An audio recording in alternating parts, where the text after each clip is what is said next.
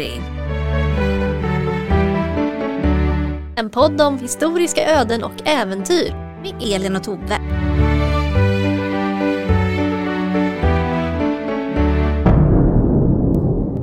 Hallå! Välkomna till det här avsnittet av Lappri. Hej! Hej, Elin är med, Tove är med. Hej! Elin, jag tänkte börja, fråga dig en sak.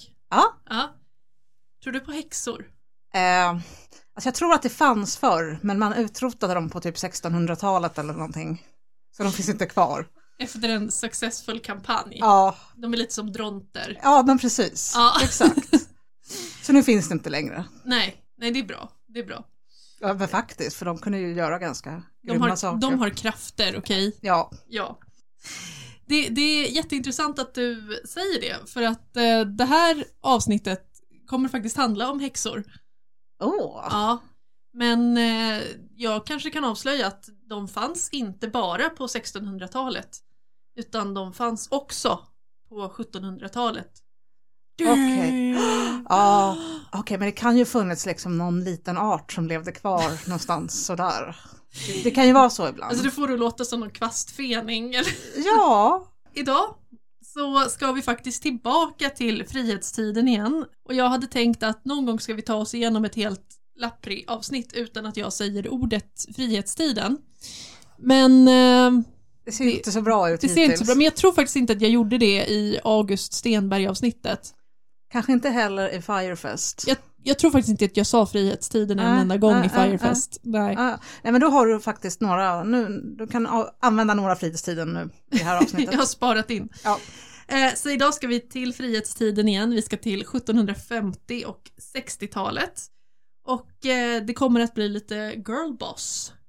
Okej, också. ja, girl power. Yay! Men innan eh, vi drar igång det här avsnittet så vill jag ju varna lite för att eh, det här avsnittet av Lappri kanske blir lite läskigt. Det, Det har vi aldrig behövt säga förut. Men, Nej. ja, Nej men alltså inte, det, är inte, det är inte jump scares lovar jag att det kommer inte vara några Okej. jump scares. Nej.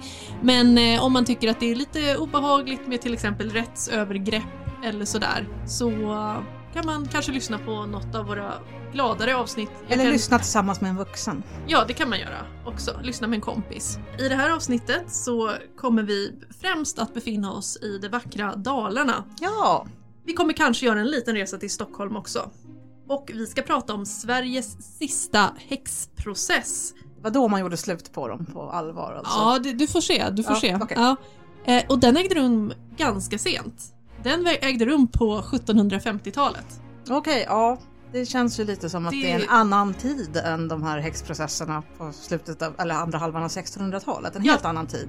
Ja, Men- absolut. När vi pratar om häxor i vanliga fall så när man pratar om häxprocesser i vanliga fall pratar man ju oftast om 1660 och 70-talen. Ja, Det är då det pågår det som man kallar för det stora oväsendet. nej men alltså. precis. Inte Bellmans tid. Liksom, det blir ju helt fel i mitt huvud. Ja, precis. Men eh, vi hade en häxprocess i Sverige på 1750-talet och eh, den kommer jag prata om idag. Gud vad intressant. Eh, det här är en historia kan vi säga om vidskepelse mot upplysning och det är en kraftmätning mellan världsliga och kyrkliga makter. Oj, dramatisk musik här. Ja, jag tycker det. Men vi hoppar rakt in. Kör! Vår historia börjar kring pingst 1757 i en by som heter Kilen då, men idag brukar den hänvisas till som Ålkilen. Mhm. Och den här byn ligger i Åls socken som ligger i Leksands kommun i Dalarna. Så Ja. det är strax söder om Leksands stad. Det är liksom hjärtat av Dalarna med knätofs och... Ja, det är det. Tänk, tänk midsommar, då är vi i Kilen. visst. Eh, och jag har inte varit i Kilen själv men jag har besökt det via Google Street View och jag är ju väldigt svag för äldre rödtimrade hus så jag tyckte att det såg väldigt trevligt ut i Kilen. Ja, men det var det kanske inte då för Nej, det- alla nej, det- 1757. Det var ganska dålig stämning då kan vi säga. Eh, Kilen på 1750-talet är en mellanstor svensk by. Det finns 31 stycken hushåll i den Aha. här byn. Och i hela Åls socken så kan vi säga att det finns 1719 invånare.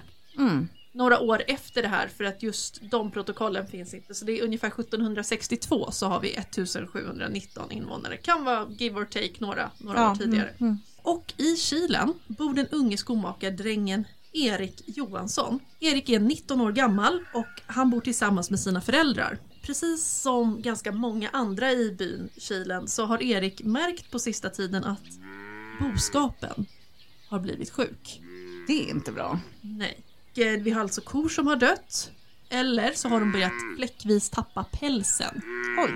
De säger att kon blev skallig. Han har också noterat att varje gång han ska driva förbi familjens kor, förbi ett hus som tillhör en änka som heter Anna Jonsdotter, så vill korna inte passera. Okej.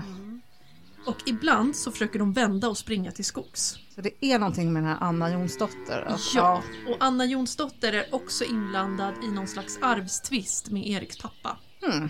Ja. Men det är bara av en händelse. Om en händelse är hon det. Så att, men hon är skum.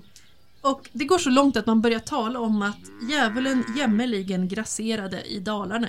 Okej, ganska stort hopp från det här med att korna är sjuka. Visserligen är det naturligtvis väldigt allvarligt i, i liksom en agrarekonomi, men ja, okej. ja. Mm. Och Erik han börjar misstänka att eh, Erik det är mycket big brain energy kan vi säga. okej. Ja, nej, Han sitter och tänker på saker. Han tänker mycket på saker. Mm.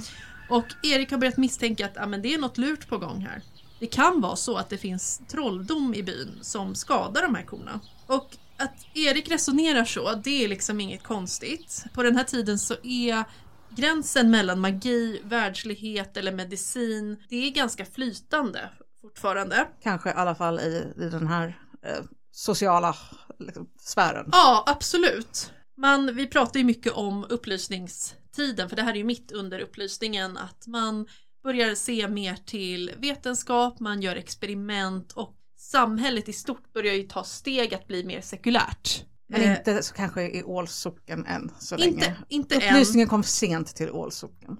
ja. Men det är väldigt många som tror att det finns trolldom. Och enligt lagen på den här tiden så är det fortfarande dödsstraff för det som man kallar för Satans pakt.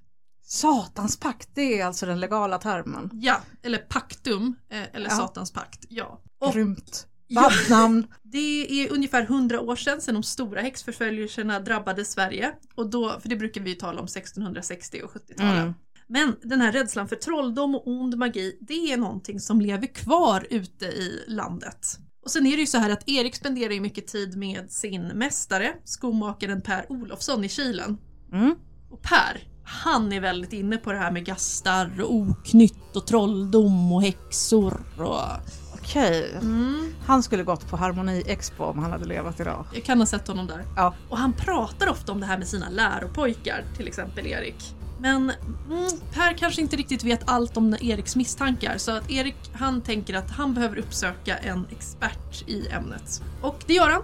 Erik tar sig till Falun och eh, pratar med en trollkunnig person som heter Björk Hans Ersson. Okej. Ja, det kommer bli väldigt många dalanamn då när man har gårdsnamn Ja, men det är bra för jag tycker det har varit lite dåligt med dem hittills. Ja, har, det har varit snålt med det i Lappri, men det här avsnittet kommer att kompensera för det kan jag Mm. säga. Björk Hans Ersson, och han vet mycket om trolldom, så han ger väldigt mycket handfasta tips till Erik om hur man kan hitta häxor till exempel och avslöja dem. Och bland annat så involverar det olika ritualer och bland annat då pubishår från den misstänkta kvinnan. Ja, ja, men det är ju lätt att ta Ja, på. ja. Men generellt så har han också tips på hur man kan locka dit häxor till sig men också hur man skyddar sig från dem. En tid efter detta börjar Erik berätta att en sen kväll klockan 11 på kvällen, runt pingst då, så har han suttit uppe på en backe i byn Kilen som heter Korpbacken. Oh. Ja, och där har han utfört en ritual när han håller på kniv och han har ritat in sig i någon ring Men gud. hållit på med olika Ja. typer av gräs och vad han säger också att han hade pubishår då från en av de här kvinnorna. eh, han hade en, det var en hel berättelse om att han hade brottat ner henne och ryckt bort men vi, vi behöver inte gå där. och där har han utfört en ritual som tydligen kallade till sig flera kvinnor i byn som dök upp att men nu gör jag den här ritualen och då kommer de komma. Okej. Och de ska ha dykt upp och omringat Erik och hotat honom och de har varit läskiga och grå i ansiktet. Det kan inte vara så att okej nu sitter den där Erik ensam och gör något konstigt igen. Ska vi kolla vad han gör? Han kanske inte mår bra. Det är inte normalt att sitta där med kniven och hålla på. Va? Ja, ja, mm, nej, alltså han säger att de har kommit upp och kallat till sig, han har kallat till sig dem, de har kommit dit. De kom inte åt honom för han satt ju i den här cirkeln och han hade katekesen med så att det var lugnt. Ah. Och han nämner särskilt en piga som heter Anna Ersdotter och hennes mor Back-Karin Larsdotter och Gölis Sara Ersdotter. Det här är ett jättefint gårdsnamn, eh, Gölis, men jag vet inte om jag uttalar det rätt. Så uttalar jag det fel får man gärna höra av sig och rätta oss. Lappripodd.gmail.com Ja. Samt änkan Anna Larsdotter. Och de var jätteläskiga, de var grå i ansiktet. Eh, men de kunde inte skada Erik för han satt där i sin sitt sill. force field. Ja. Ja, vilken kille. Ja, han satt där i... Det här berättar ju Erik då för eh, geniet Per Olofsson, hans mästare då. Och Per tycker det här är sjukt spännande. Att, Ja, ja. Så Per, ut på byn fort som tusan och börja berätta de här grejerna för alla. Och snart vet hela Åls socken om vad Erik har fått uppleva. Ja, antar att ryktena sprider sig ganska fort i Ja, vill du ha- Ålsocken med 1700 invånare. Ja, vill du veta vem, vad de heter? Ja, Ja. Vi har Hobergs Anna Jönsdotter, änka 50 år. Hennes dotter pigan Karin Ersdotter, 26 år. Mm. Back-Karin Larsdotter, 44 år, änka, inflyttad från Leksand, så lite outsider. ja. Mm. det är alltid skumt. Hennes dotter pigan Anna Ersdotter, 22. Kerstin Olsdotter, soldathustru, 36 år. Hennes mor Anna Matsdotter, 72 år. Anna Matsdotters sonhustru Sven-Brita Andersdotter, som är 34 år. Och gravid, och det här kommer komma in senare. Mm. Vi har också Gölis Brita Eriksdotter som är också i 30-årsåldern och hon väntar också barn. Vi har hennes lilla syster Gölis Sara Ersdotter som är 17 år. Fendriks Kerstin Andersdotter 48 år, änka beskrivs som svagsint. Mm. Hennes syster Anna Andersdotter 51 år. Och sen har vi Mygg-Anna Nilsdotter från Gagnef, också inflyttad då, 48 år. Behöver man komma ihåg alla? Nej, det behöver man inte, men jag vill ge dem ett namn också för att det är ganska ofta när man läser om det här som det bara står kvinnorna. Ja, Så att jag har försökt att lyfta fram dem så mycket som möjligt. Det här kommer ju fram till församlingens präster. Och de är bra att komma ihåg. De heter komminister Avelin och pastor Irstadius.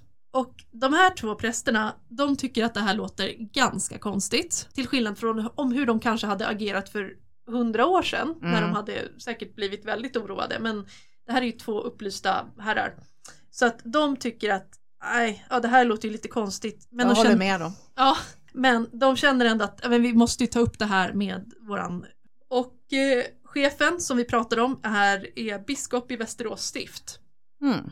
Och han heter Samuel Troilius. Ja, Och jag var osäker på hur man uttalade det namnet så jag var tvungen att lyssna på en hudläkarpodcast där det fanns en känd hudläkare med det namnet som skulle uttala sig så jag fick lyssna tills de presenterade henne. smart. Så det är alltså Troil... Troilius. Okej, jag, hade, jag hade nog alltid tänkt Troilius. Jag ville också säga Troilius men hon sa att hon hette Troilius. Jag vet inte hur Samuel uttalade sig.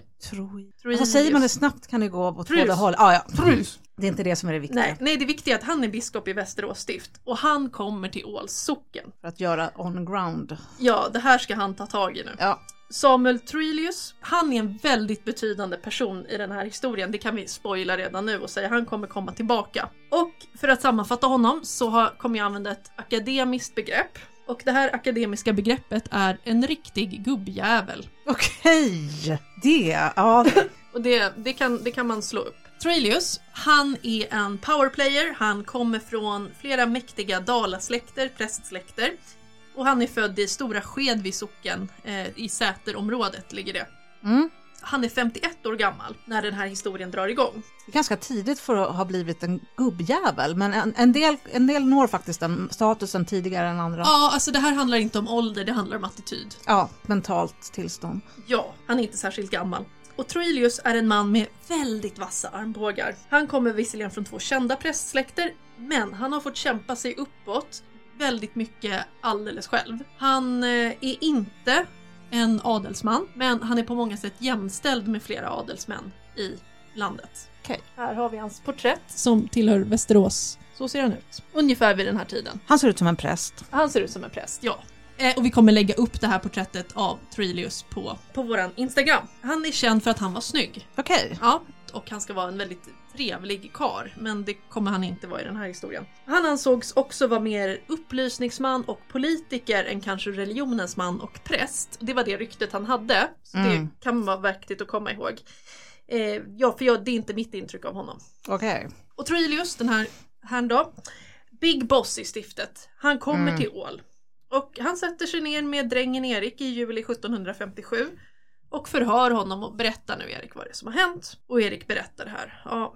Och eh, Troilius bedömer ju att ja, nej, men det här är ju ren lögn, det är ju någon dräng som har hittat på lite grann vad här är. Men han tänker ändå att ja, men han ska ta och prata med de här kvinnorna också då. Och det gör han. Och de nekar ju till de här anklagelsen. De Jo. de, nej det här har inte hänt, Erik har hittat på. En säger till och med, jag var inte ens utanför huset på hela den dagen. Mm. Men Erik har sett mig på någon backe. Ja, och då säger Trilius att ah, men nu ska jag testa er, ska han göra. Så att då ska de be tillsammans med biskopen. Och om de är häxor, då kommer de att bli gråa och stygga i ansiktet. Det är testet. Det här är testet. Ja, men det är väldigt enkelt i alla det är ett fall. väldigt enkelt test och det är straight out of 1600-talet. Ja. Mm. Och de ber med honom och det här händer ju förstås inte. Nej, bra, då har de passerat hans test då. Så nu borde allt det här vara avklarat och han kan åka hem och alla går vidare med sina liv. Ja, men han passar ju också på att fråga dem då att ja, men vill de inte anmäla Erik för att han har spridit ut det här ryktet? Då säger de här kvinnorna att nej, ej villa att gossen måtte bliva lagligen tilltalad för det dem utkomna ryktet. De vill inte polisanmäla honom. Nej, de vill vara lite schyssta. Han Ja. kanske är lite knepig, Erik. Ja. Han har det jobbigt som det är. Ja, Med sin lilla Qanon-klick där i skomakarens stuga. ja. Så att så länge Erik ber om ursäkt till prästen och till dem så är det okej. Och vad tror du biskop Troilius säger om det? Är det är ju misstänkt. Ja, du, det är grattis Elin, du tänker Ja. precis som en gubbjävel. Jag tänker 1700 precis som en 1700-tals gubbjävelspräst. Han tycker att... De jaha, är inte blodtörstiga nog. nej, De han, borde vilja se hans huvud på en, ett påle. Mm, ja, men vadå, är ni rädda för att bli undersökta här eller? Så därför anmäler han det här till urtima ting, så att alltså ett extrainsatt ting Ja. annat än det vanliga tinget. Att det här är så pass akut så att det här måste vi ha en utredning om nu. Så det är alltså en världslig rätt då som ska ta upp det här Ja. Mm. ja, för det ingår i den världsliga rättsboken. Det blir rättegång och de här tjejerna blir ju häktade för det här. Och den som ska hålla i det här tinget, det är vice häradshövdingen i Falun. Och han heter Per Ekman. Han är 22 år gammal. Oj jäklar. Ja, och han ska hålla i detta. Han är också systerson till biskop Troilius. Ah, Mm, ja men mm, mm. då kanske han får lite hjälp och lite stöd. Ja. Eh, och det, vi kan säga så här också direkt att Per Ekman han hoppar in som vikarie för en ordinarie person som plötsligt är sjukskriven. Jag skulle också sjukskriva mig om det här kom på mitt bord. Ja, Precis, här, jag lever på 1700-talet, jag vill inte ta i häxgrejer. Nej, jag låter praktikanten ta det här Ja. istället. Och innan eh, det här drar igång då, då har biskop Troilius pratat med Per Ekman och sagt att nu får du inte bli meddragen här av den lokala länsmannen i Ål som heter Karl Tillberg. Och Tillberg, han är inte 22 år, han är i 40-årsåldern. Okej, vad är hans grej då? Tillberg äger ett värdshus i trakten och är länsman. Men Troilius, nu sa jag det, Troilius har sagt till Per då att låt dig inte bli påverkad av honom. På vilket sätt skulle han bli det? Var, var står Jag vet han? inte, men Nej, han, okej. Troilius vet någonting om Tillberg Hmm. som Ekman inte vet. De här Tillberg och Ekman, de kommer bli, visa sig vara ett jäkla dream team av sadister. Och inkompetens. Kanske. Ja, tinget inleds i augusti 1757. Och man inleder med att Erik får berätta vad som har hänt och svära på att han har inte hittat på det här. Och det gör han. Det Länsman och Ekman vill nu, det är ju att de här, ska, de här kvinnorna ska bekänna att ja, men ni är trollkvinnor och ni är häxor. Och det är ju ganska farligt det här för det är, det, det är dödsstraff för djävulspakt. Kan Mm. vi säga direkt. De här två är inte heller rädda för att ta till ganska grova grepp som alltså tortyr. För det var ju fortfarande tillåtet. Det är tillåtet men inte i den mån man tänker sig att det ska vara tillåtet. För man pratar ofta om att ja, men Gustav III avskaffade det. Och han avskaffade det liksom helt kan vi väl säga. Men Mm. det var liksom väldigt nedtrappat under frihetstiden. Du fick liksom inte gå loss med vilka instrument du ville. Det skiter ju de här två i. Och, eh, nu varnar jag lite här men de här anklagade tjejerna de blir alltså avklädda nakna, fastbundna, slagna, upphängda på olika sätt för att de ska erkänna det här. Mm. Och de var 12 kvinnor från början, men det har tillkommit en. Och det är en kvinna från trakten som är änkan Jölis Brita Olofsdotter. Och hon är alltså mamma till den andra Gölis Brita Okej. och till Gölis Sara. Och hon kommer ner till den här till tingsplatsen med mat till sina döttrar. Och när hon är där då skäller hon också ut Tillberg för vad fan håller du på med? Mm. Mm. Och eh, Tillberg han löser det här som vilken vuxen person som helst skulle ha gjort. Han går runt i byn och frågar folk om det finns några anklagelser här mot Gölis Brita. Det verkar vara så här att hon är osams med typ alla i den här Ah. trakten. Mhm. Mm. Så det är inte bra att vara Gölis Brita nu. Nej. Det kommer in flera vittnesmål om att hon grälar med folk, hon hotar ofta folk, hon säger att ah, om du inte gör som jag säger då kommer det gå illa för dig och sådär. Mm. Boskap har dött efter att Brita hotas, folk har drabbat av, drabbats av sjukdomar efter att Mm. Brita hotats dem. Mm, mm, mm. Och det finns en MVP här eh, som heter Anders Danielsson eh, som är fjärdingsman i byn. Och han har haft någon konflikt med henne och då ska hon ha hotat honom att det här ska du få fan för. Och en vecka senare ungefär så skulle Anders gå och mala lite säd i kvarnen och lyckas mala sönder sin högra hand. Så uppenbarligen var det hennes fel. Så vad du säger är att av alla de här kvinnorna så är det förmodligen hon som är en riktig häxa. Ja, eller så är Anders väldigt dålig på Okej. att mala. Och det här räcker ju för Tillberg, så då plockar han ju in henne också. Ja. Då försöker de ju få Erik att säga att ja, men vi såg du henne vid den, här, vid den här kullen också? Men Erik säger att nej, hon var ju inte där. Mm. Eh, jo, hon var visst där, nej hon var inte där. Och till slut lägger de till i protokollet att eh, jo men hon var där men hon stod nedanför kullen och höll i en ko. Okej. Men Tror att Erik, de torterade Erik också lite grann? jag tror att inte det, jag tror nej. att de bara lägger till. Hon är också den som faktiskt blir mest utsatt av de här kvinnorna. Mycket av det har att göra med att en av dem som ska hålla på och vakta henne är Anders Danielsson, alltså han med kvarnen. Ja, ja, ja. Mm. Mm. Den kvinna som böjer sig för det här först då, deras olika typer av övergrepp, är Anna Ersdotter, piga 22. Och hon säger sig att ja, men hon har lärt sig magi av sin mamma, Karin Larsdotter, som också är en av de här anklagade, så hon Ja. outar sin mamma. Hon har fört henne till Blåkulla för några år sedan och Karin nekar ju till detta. Så, Nej, jag har inte gjort det. Tillberg har dock ordnat vittnen för det här va? Han, han har täckt det här. Okej. Eh, bland annat en dräng som säger att han hörde Karin, någon frågade "Ja, men vem är din husbonde? Och då sa Karin har sagt fan själv. Oj. Det här är inte en bra tillfälle att ha ironisk bitter humor. Nej. Nej. Och andra vittnen säger att Karin, Karin har sagt att nu ska jag åka till Blåkulla och jag kan rida på folk och fä. Oj, oj, oj. Ja, Så och- hon är förmodligen också en riktig häxa då? Ja, uppenbarligen.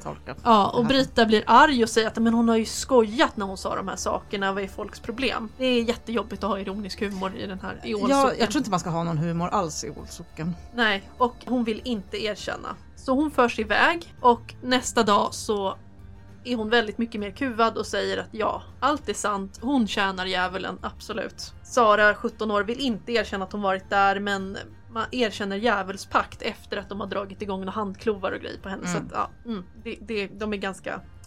Och vi kan stoppa det här för när hon börjar erkänna djävulspakt, för det här är väldigt viktigt. För att traditionellt i Sverige så skiljer man på olika former av magi. Och de två som är farliga, de brukar man kalla för maleficium. Och Mm. det är ju liksom när man gör skada Mm. på någon. Svart magi. Typ. Ja. Och den andra heter paktum och det är ju djävulspakten då, att man svär sig till Satan. Och de här går ju oftast ihop, att du svär dig till Satan för att kunna göra skada på folk. Ja. Och straffet för djävulspakt som vi har nämnt 1757 är döden och det är därför de letar efter att de ska erkänna den här djävulspakten då. Det här är liksom ett planerat narrativ de håller på med. Ja. Kosta vad det kosta vill kan Ja. man väl säga. Och en efter en så börjar flera av de här kvinnorna erkänna att ja, men det Erik säger är sant. Och den som är mest utsatt som jag har nämnt det är Gölis Brita. Och hon berättar att hon bland annat får stå framåtböjd i många timmar. Hon hängs upp på väggen i några handklovar och Anders Danielsson är ofta hen- han som vaktar henne och han, Mm. ja, han verkar också, han, verkar, han är ett special case. Bland annat så har han gått och skurit henne i kniv, med kniv i nacken och sen smetat in henne i ansiktet med sitt eget blod. ja men usch. Ja jag vet, alltså det här är så jäkla stört. Det här är så här Game of Thrones nivå på stört. Alltså är alla männen helt sj- sinnessjuka i den här byn? De verkar vara det. Och vid ett tillfälle när hon kommer in i rätten så har hon liksom, hon har sår på händerna och an- handlederna. Och då frågar männen att, "Ja, men du, vad är det här? Varför ser hon ut så där? Och då säger eh, Tillberg att nej men hon hade, jag hade dragit på handklovarna för löst. Och därför har hon gnögt, hon var arg, av arghet har hon själv gjort det här. Så att egentligen hade jag för lösa kedjor på henne. Ja, ja, ja.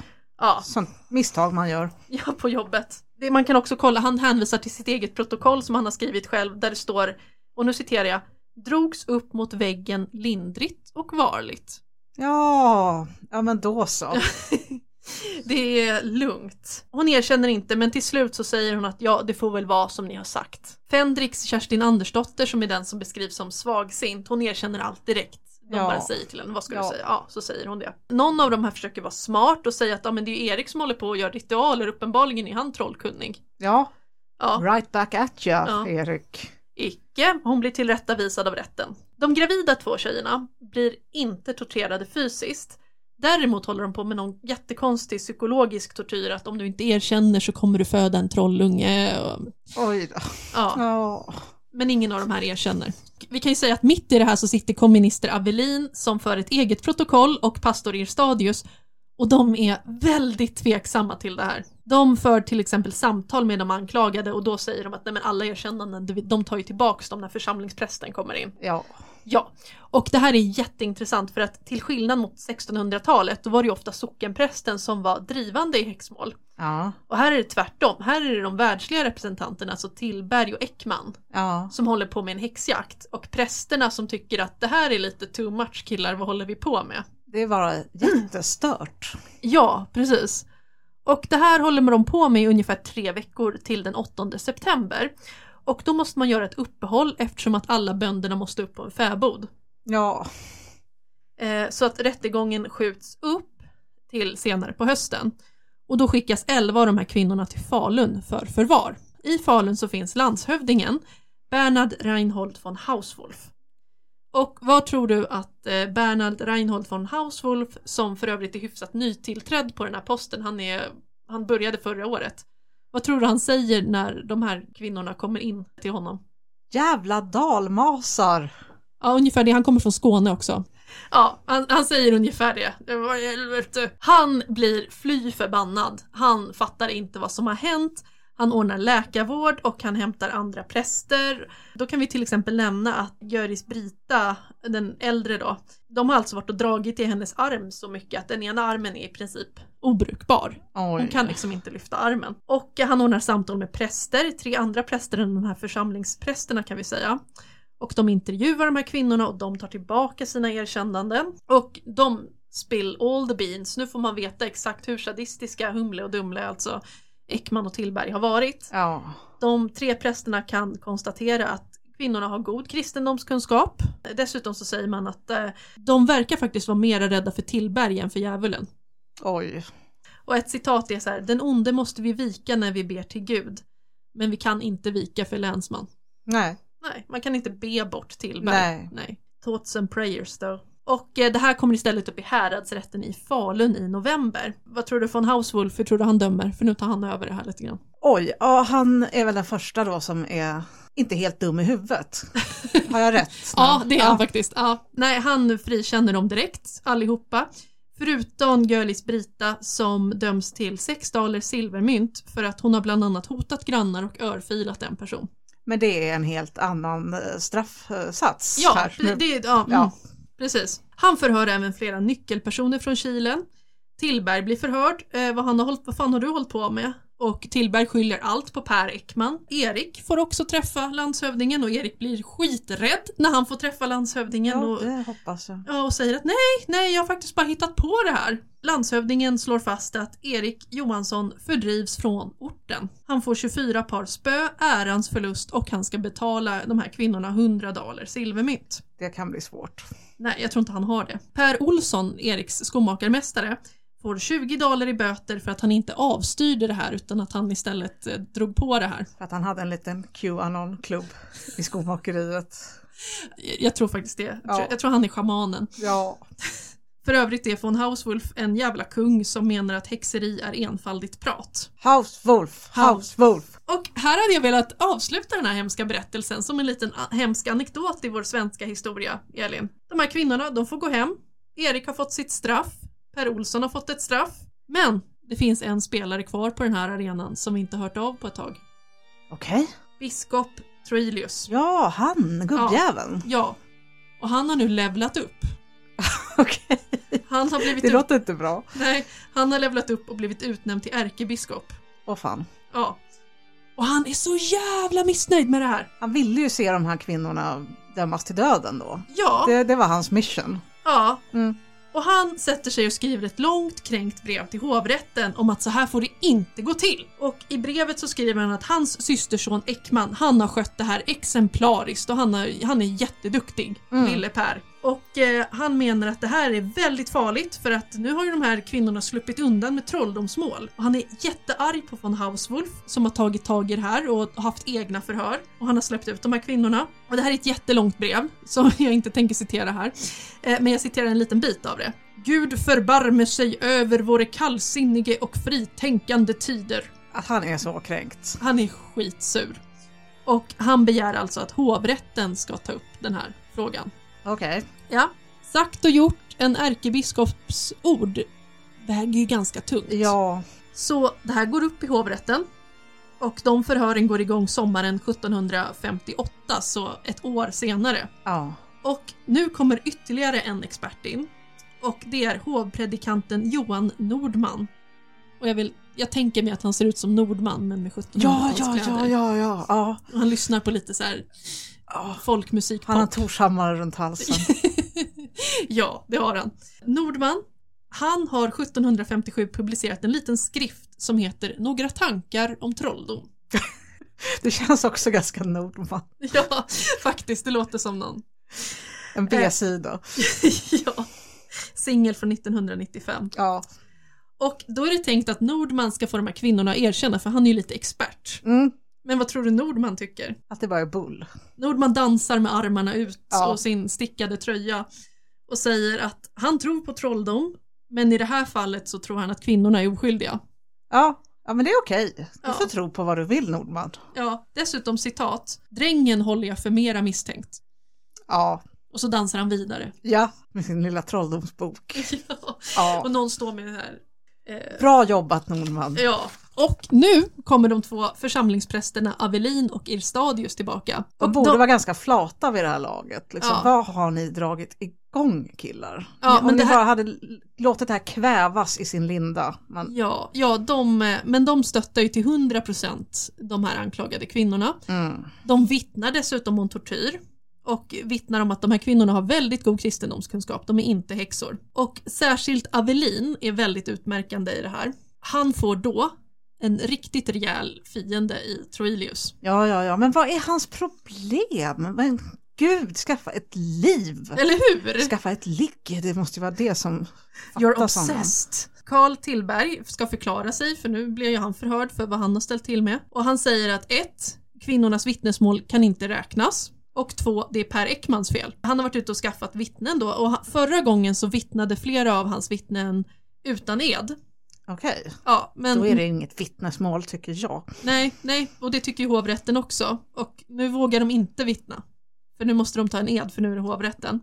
Ja, Så han har ingenting. Men sen har vi ju geniet Erik Johansson som nu drar tillbaka sitt erkännande och säger att han har blivit hotad av von Hauswolf. ja, men, Så det, här, alltså det här är en jävla shitshow. ja. men det Och- skulle blivit ett bra rättegångsdrama i, i är aftontidningarna. långt courtroom-drama. Ja. Eh, ärkebiskop Troilius skickar in papper med bilagor om trolldom från 1600-talet som underlag. Ja, ja. Men Ja. det- Han är igång. Och hovrättens dom faller den 29 november 1758. Det är typ ett och ett halvt år sedan det började nu. Ja. Ja, och vad tror du hovrätten säger?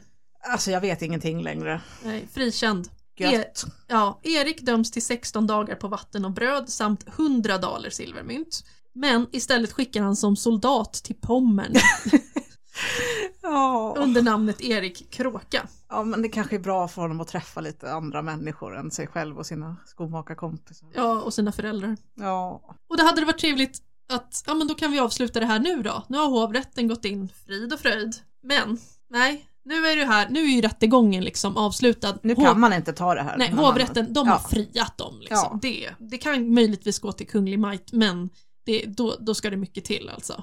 Och det är Fredrik den första som sitter där. Eh, Nej, 57, nej, nej ju- just det, det är vår Adolf Fredrik och han skulle ju bara sagt nej, nej, nej, der Hicksen här.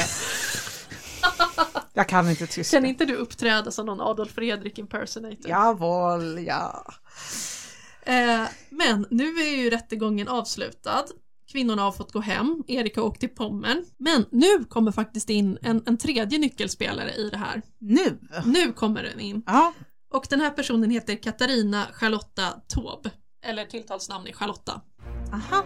En adelsfröken eller fru då? En fru. Ja, Ja. Charlotta Taube är 36 år gammal. och Hon är gift med greve Pontus Fredrik de la Gardie, så hon är grevinna. Oj, ja men det här är high rollers. Ha, riktigt jävla high roller. Hennes mans syster är gift med Axel von Fersen. Den äldre. Ja, den äldre. Han som gillar att roasta. Ja, inte Holstein Gottorp. Ja, precis. Inte hunk-Axel utan Nej. roast-Axel. Tråk-Axel. Ja. Ja.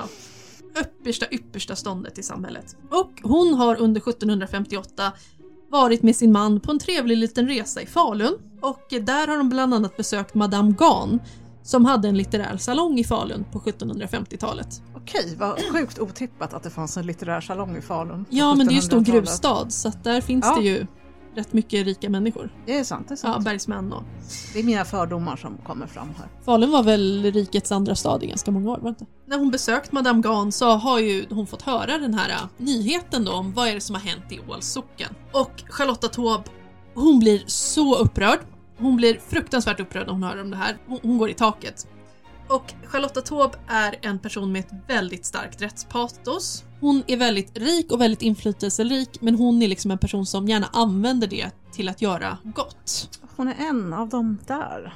Och här har vi en bild av henne. Och, Ja, hon eh, var ju en, en söt. åtta. En kanske. Sjua eller åtta. Jag tycker hon är söt. Charlotta Taube har sett korruption på väldigt nära håll. Hon har sett korruption skada folk och låtit, gjort folk väldigt illa. För det är så här, vi kan ta en liten backstory på Charlotta Taube. Ja, Hon växte upp dotter till riksrådet Edvard Taube. Och Edvard Taube, han kommer från en fin familj, han är riksråd, han sitter i regeringen. mm. Men familjen har väldigt stora skulder. Hennes pappa har ett riktigt rejält spelmissbruk och han är vansinnigt dålig på att göra affärer. Och eh, hans familj håller alltså på att gå under. Mm. Hon och hennes, hon har åtta syskon, Mm. så det är en stor familj. Så vad ska de göra åt det här? Men Charlotta hade en äldre syster nu är jag med. Ja. som hette Hedvig. Och jag tänker att vi kanske får göra ett avsnitt om Hedvig någon gång, men det är väldigt, väldigt mörkt. ja. Så jag vet inte om vi orkar det. Det är liksom, jag vet inte, det kanske är mörkare än det här till och med. Hedvig var 16 år gammal och väldigt vacker. Och det som räddar hennes pappa och familjen undan ekonomisk ruin det är alltså att citat den gamla snusskungen, citat Elin, Fredrik den första får syn på Hedvig. Och genom att Hedvig, trots hennes egna och mammas eh, böner och vi- vilja, blir kungens älskarinna så klarar sig alltså familjen ekonomiskt. Så att hennes... Pappa pimpar ut sin 16-åriga dotter till en gammal kung. Ja, Om man får uttrycka det med, ja han, han, med klarspråk. han säljer i princip henne. Ja. Ja, och eh, Hedvig Taube dör strax efter att hon har fött sitt fjärde barn med kungen när hon var 29 år gammal. Charlotta bodde många år hos Hedvig och har sett den här korruptionen på nära håll, vet vad det gjorde med hennes syster, stöttade henne väldigt mycket mot slutet tydligen. Så att, jag vet inte, men jag har någon bild av att det här kanske har skapat hennes starka rättspatos. ja, åtminstone kanske hon på något sätt har en annan förståelse för hur utsatta kvinnor i vissa situationer kan, kan vara. tänker jag. Ja, ja systerskap kanske. Och, eh, efter Hedvigs död så var Charlotta hovfröken i väldigt många år hos drottning Lovisa Ulrika, då kronprinsessa. Mm. Och eh, hon var faktiskt med och hämtade henne i Berlin Jaha. när Adolf Fredrik var så himla blyg och Ja. inte vågade prata med henne. Då var Charlotta eh, Taube med och de var väldigt nära vänner. Hon finns faktiskt avmålad på det här fantastiska porträttet som jag vet att du har sett. Ja, hönstavlan. Ja, hönstavlan, när man alltså har målat sex stycken av Lovisa Ulrikas hovfröknar som höns och sen, det här är målad av Tessin då, och han själv är tuppen i hönsgården och stoppar in huvudet i bakgrunden och galer för full hals. Ja, och det finns någon backstory här att det här är, alla de damerna är sådana som han har sett i mer eller mindre kompromerande eh, tillstånd. Okej, det visste Ja. inte jag, men då vet vi det. Charlotta är alltså högst upp i mitten på den här bilden. Den är väldigt fin, den är väldigt rolig. Men hon slutar där när hon har gift sig med sin man Pontus. Hon har inte fått så mycket utbildning i hemmet, men hon har läst in ganska mycket själv. Och Pontus och Charlotta verkar ha ett väldigt bra äktenskap. Han skriver om henne mycket om att hon är lång och snygg och hullet sitter på rätt ställen har han skrivit.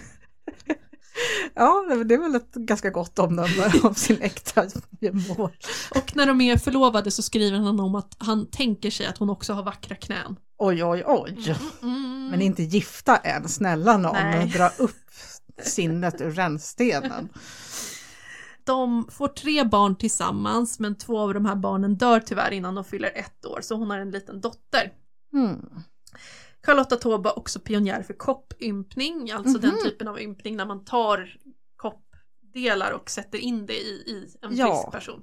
Och, Det var eh, lite mer riskabelt än, än den metoden som kommer slutet av Ja. 1700-talet. Ja, absolut, det är det. Men hon, hon gör det här på sitt eget barn och låter godsets bönder testa också till väldigt gott resultat. Så hon bidrar till att sprida koppar, koppympningen i Ja. Sverige. Alltså en, en vaccination. Och, eh, Så det här är liksom en person som har sett ganska mycket, rör sig i samhällets absolut högre skikt. Och nu har hört talas om detta, hon är fly förbannad. Och hon får dessutom veta att de här kvinnorna har sökt statlig ersättning för det som har hänt. För att flera av dem kan inte jobba ordentligt, de Nej. har ju fått men för livet de här. Ja. Men de har mötts av ointresse av olika myndigheter som ofta blir. Och då hoppar Charlotta Taube in. För det är ju så här att den som vill öppna upp det här igen, de måste ju trotsa den stora antagonisten i det här dramat. Mm. Alltså biskop Troilius. Mm. Så att man måste ha resurser, men man måste också vara våga. Man kan ju inte vara rädd för honom. Nej, Men Charlotta Taube är inte rädd för honom. nej. Nej. Hon har sett liksom Fredrik Hon har den sett Fredrik första. den förste på nära håll. Ja, hon, hon är inte rädd för någon fan. biskop. Ja, fy fan faktiskt. För det första så understödjer de här kvinnorna, hon skickar pengar till dem. De har ju fått väldigt svåra ekonomiska Ja, situationer. de lever på socknens fattighjälp. Ja, ja Eller- det, det här ja. är inte bra. Så att hon skickar ett ekonomiskt understöd till dem med sina egna pengar. Sen så går hon runt och sprider ut vad som har hänt i Ål till hela svenska societeten. Mm. Alla vet vad som har hänt för att Charlotta sit- springer på olika salonger. Ja, ja. Ja, och nu jävlar ska hon sätta dit det här. Hon vill att de här kvinnorna ska få ersättning. Mm. Så Charlotta ordnar en advokat som heter Hans Christer Risberg.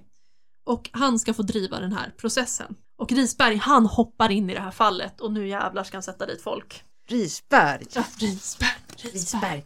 Och Risberg verkar vara en sån här advokat som man gärna vill ska dreva för en men inte ska, man vill inte ha honom emot sig Nej. för han är jävligt ihärdig och han läser, han lusläser dokument, han hittar hål, han hittar hål i stories, han, han är igång.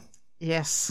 Ja, så att hon har hittat helt rätt advokat. Och 1760, så alltså tre år efter att det här Ja. började, då öppnas en ny rättegång. Det här är ett till urtima ting, så det är ett extrainsatt ting och den här gången är vi i Leksand.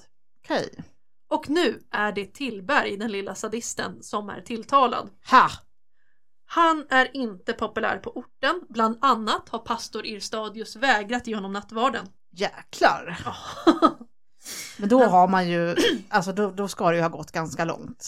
Ja, ja, ja, gud ja. Nej men de, de var ju med. Pastor Irstadius var ju med hela, han vet ju precis vad det här är för Ja. jävel. Kommunister Avelin har varit runt och ordnat med vittnesmål mot Tillberg och Ekman. Biskop Troilius, ärkebiskopen, vad tror vi han gör? Sitter han lugnt i båten? Nej! Nej. Han eh, kräver i ett långt brev att han ska ha med sina egna representanter på den här rättegången för att de ska övervaka Avelin och Irstadius. Han ska ha någon posse med sig som går Ja. runt och intimiderar. Ja, han ska gud, liksom vad han är töntig. Ja, han ska liksom inte ens vara där själv, han bara skickar dit Ja. sina Han underhuggare. är så jäkla viktig. Ja. Och de här två har också fått instruktion om att de ska störa så mycket som möjligt och försöka hindra den här rättegången. Men han är ju rättshaverist. Ja, ja, ja. Av Nej, liksom men alltså- högsta graden. Ja men alltså han är ju helt urspårad. Och eh, nu ser det riktigt illa ut för Tillberg och Ekman. Bland annat kommer det vittnesmål om att de här prästerna har ju kommit med invändningar, alltså Avelin och Irstadius har sagt att men de här kvinnorna är oskyldiga. Tänk om de är oskyldiga och varför torterar du dem? Och då ska Ekman ha svarat att han bryr sig inte för de har erkänt och nu jävlar ska de dömas. Mm. Ja, så att sympatisk ung man är Ekman. Ja, Det finns också ett protokoll från en läkarundersökning som det här som von Hauswolf hade ordnat som genomförs. Så det, alltså det här, och sen ordnas det en till läkarundersökning nu två år efter att det här har hänt. Man kan se massa olika saker i den här, jag ska inte gå in i detalj på det, men bland annat har Back Anna Eriksdotter, hon har vad jag skulle säga PTSD. Mm. Ja. Ja, hon klarar inte av någonting, hon har jättemycket ångest. Hoberg, Anna Jönsdotter har skador i handlederna för livet och Back, Karin Larsdotter har kronisk värk i halva kroppen. Mm. Och där står också att det här är liksom för livet, har Mm. läkaren bedömt. Alla har också huvudvärk och alla har också minnesförlust och de tror att det är för att de har fått stå med huvudet neråt i så många timmar. Och Risberg, han är jättesträng. De Mm. slipper inga frågor. Och det är alltså han som för kvinnornas talan. Ja. det är det han gör. Och han kommenterar även att Troilius tycks känna till hur häxförhör gjordes för hundra år sedan. Mm. Han är lite så här shady mot Troilius. Bra. Och Ekman förstår att nu är det deep shit, alltså det här är fan inte bra. Men då går faktiskt hans mormor bort och hon ska begravas i Västerås i juni 1760. Och då får han lejd att åka på begravningen. Okej. Ja, På- det var ju hänsynsfullt. Ja, och på begravningen så träffar han gissningsvis Troilius för att Mm. det är ju hans mor som är Ekmans mormor. Ja. Han åker på det här, får sedan gissningsvis hjälp av Troilius att lämna landet för att Ekman försvinner från landet efter det här. För gott får vi hoppas. Vi kommer till det. Okej. Pengar ska alltså ha flyttats från någon slags statlig kassa som Troilius hade ansvar över till Ekman vid det här tillfället. Okej, så han är inte ens smart nog att ta sina egna pengar? Nej, Han- han är snål. Ja. Den här gubben. Det här får väl staten betala för, herregud. Och i februari 1761, så att nu är vi tre och ett halvt år efter att det här hände, nästan fyra år senare, då skickar Risberg in ett memorial till hovrätten där det framgår att det här är ett jättetydligt rättshaveri. Mm. De här kvinnorna måste få ersättning. Vad tror du Troilius gör nu? Han sitter inte ner och eh, fattar att han har haft fel i alla fall. Nej, det är inte, han, han tar en Ålandskryssning och tänker på annat. Låt Nej. höra. Ja, han inser att nej men det här går inte. Han måste ta tag i det här och göra det här med egna händer. Han fixar det. Han ska fixa det här själv. Och eftersom att han är ärkebiskop så är han också talman i prästeståndet i riksdagen. Ja. För att Sverige har ju Mm. fortfarande en ståndsriksdag vid den här tiden. Så vi har ju adel, präster, borgarna och bönderna. Och Troilius i egenskap av ärkebiskop är ju då alltså deras ledare. Mm. Mm. Riksdagen är ju som vi alla vet eh, då och är fortfarande nu lagstiftande. Så bara tio dagar efter att advokat Risberg har skickat in de här papprena, Mm. då går Troilius all in, nu jävlar. Han lägger fram det här ärendet i riksdagen och nu gör han liksom en, en nationell politisk fråga av det här. Och jag antar att han blir utskrattad. Mm, du ska få se.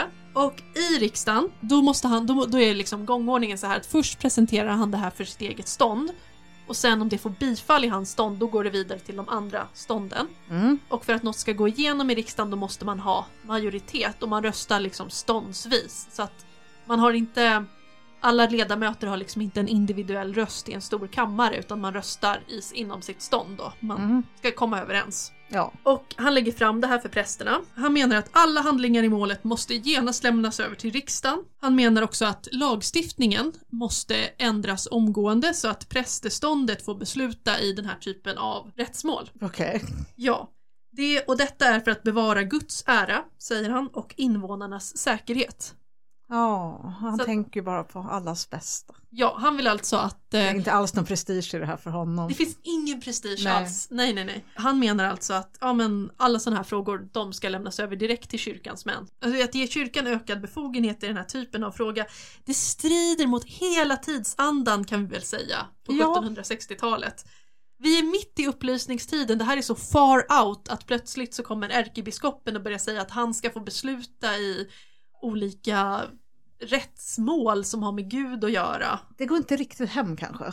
Nej, givetvis. Alltså, folk, världen börjar ju bli, man börjar diskutera, det börjar ju bli mer sekulariserat kan vi väl säga.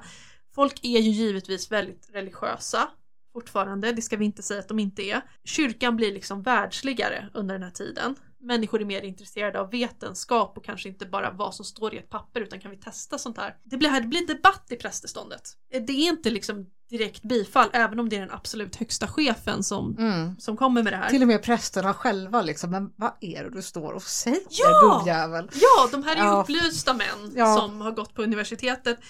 Och eh, de säger ju att professor Jakob Gadolin från Åbo gör ett inlägg. Han säger att han respekterar ärkebiskopens hårda arbete i frågan, men Detta är ett pågående mål som han inte tycker att de ska blanda sig i. Och man ska se till formalia.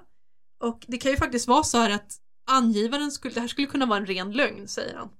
Ja, Ja. vilket vi redan har konstaterat. Ja, han, Ja. han tror inte på det här. Nej. Han får en del medhåll, men det är ju ändå, det är ju chefen så det är många som liksom håller med Troilius för att det är han. Ja, alltså det Du är vill bra, inte- du- du det är bra för din karriär om du gör det. Du har ju sett vad som händer om du bråkar med den här gubben, han Ja. släpper inte saker. Professor Olof Celsius påpekar dock att mycket, det här är mycket skumt. Han påpekar också att Ekman är extremt ung i att, för att hålla i en, den här typen av mål. Mm. Och han hintar väldigt tydligt att han vet precis vad det är för släktskap mellan Troilius och Ekman.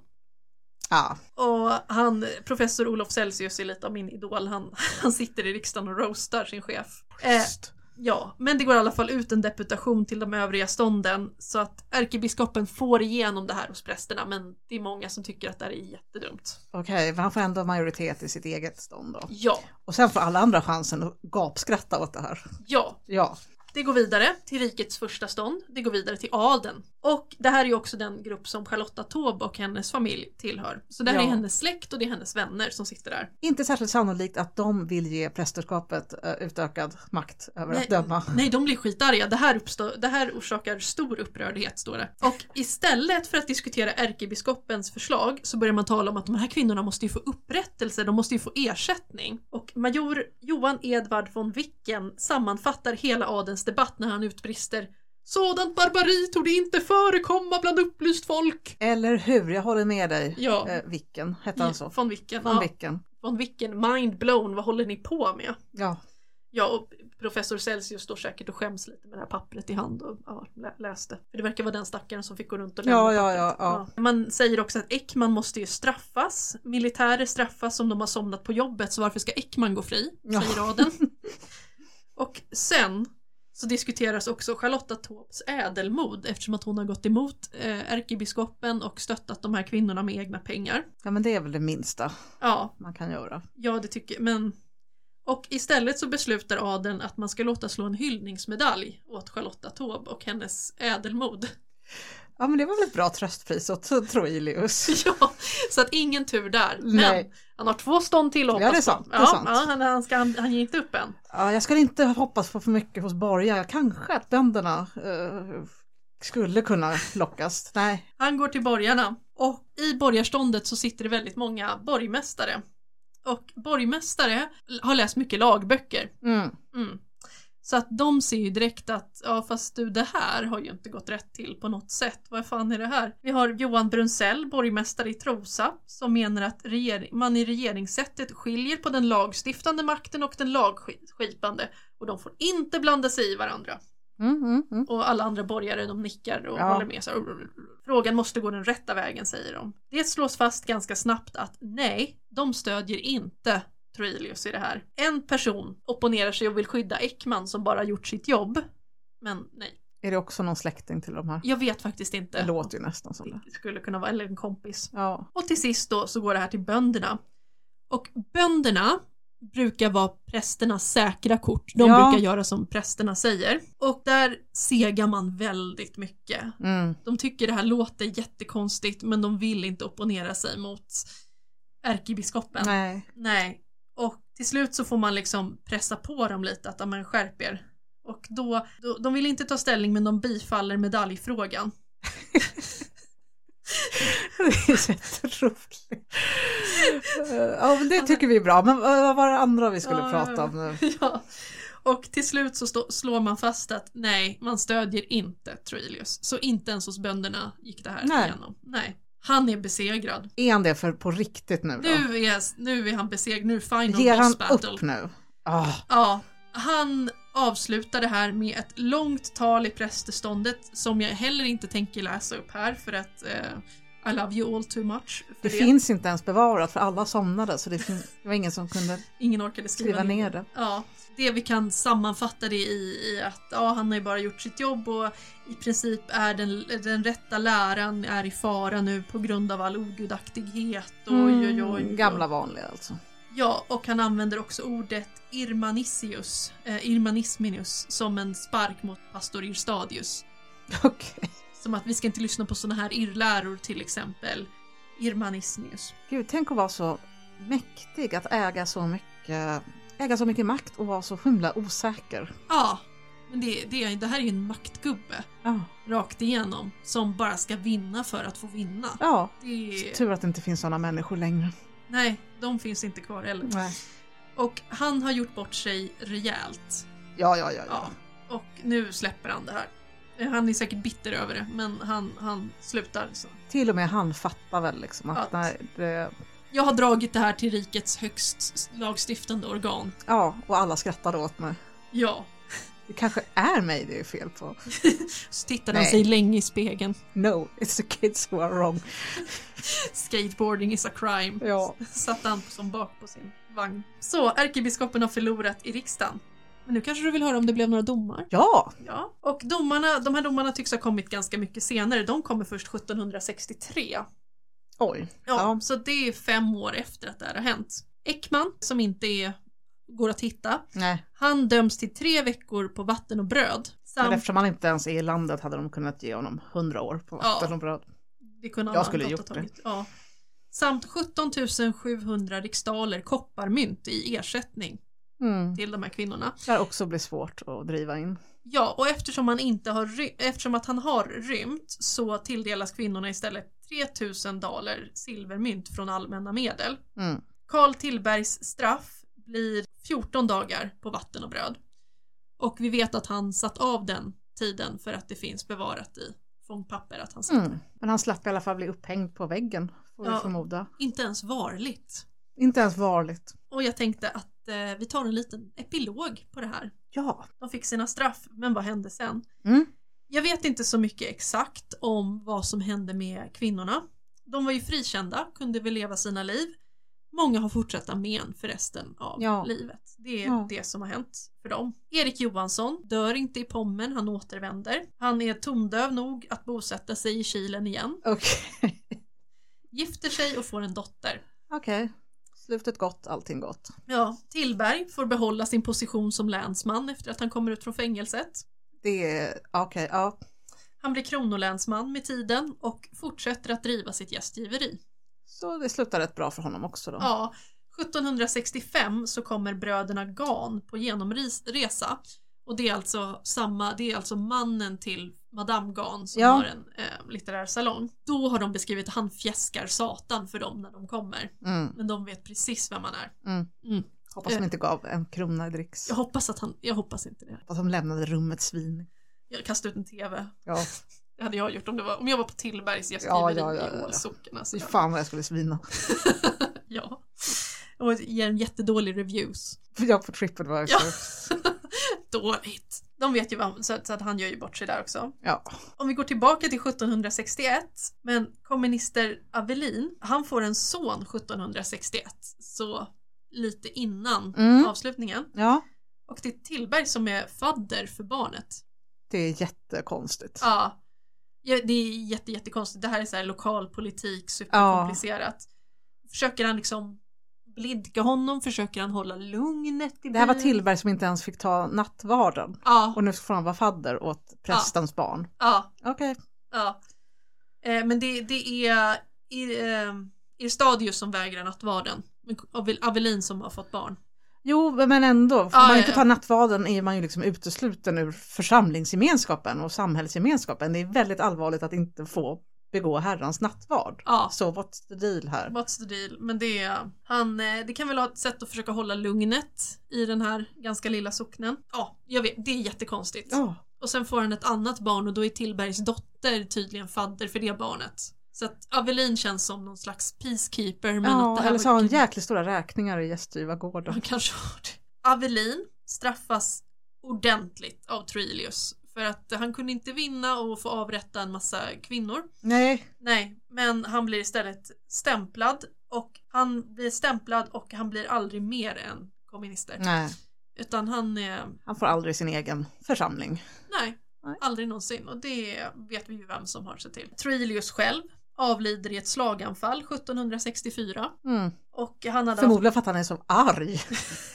han hade haft väldigt dålig hälsa de sista åren stod det bara. Ja, men, Ja. Någon rättvisa. Charlotta Taube avlider också redan i mars 1763, några Mhm. dagar före sin 40-årsdag. Efter att hon hade drabbats av feber när hon hade vårdat sjuka. Ja, hon dog som hon levde, tjänande andra. Kanske.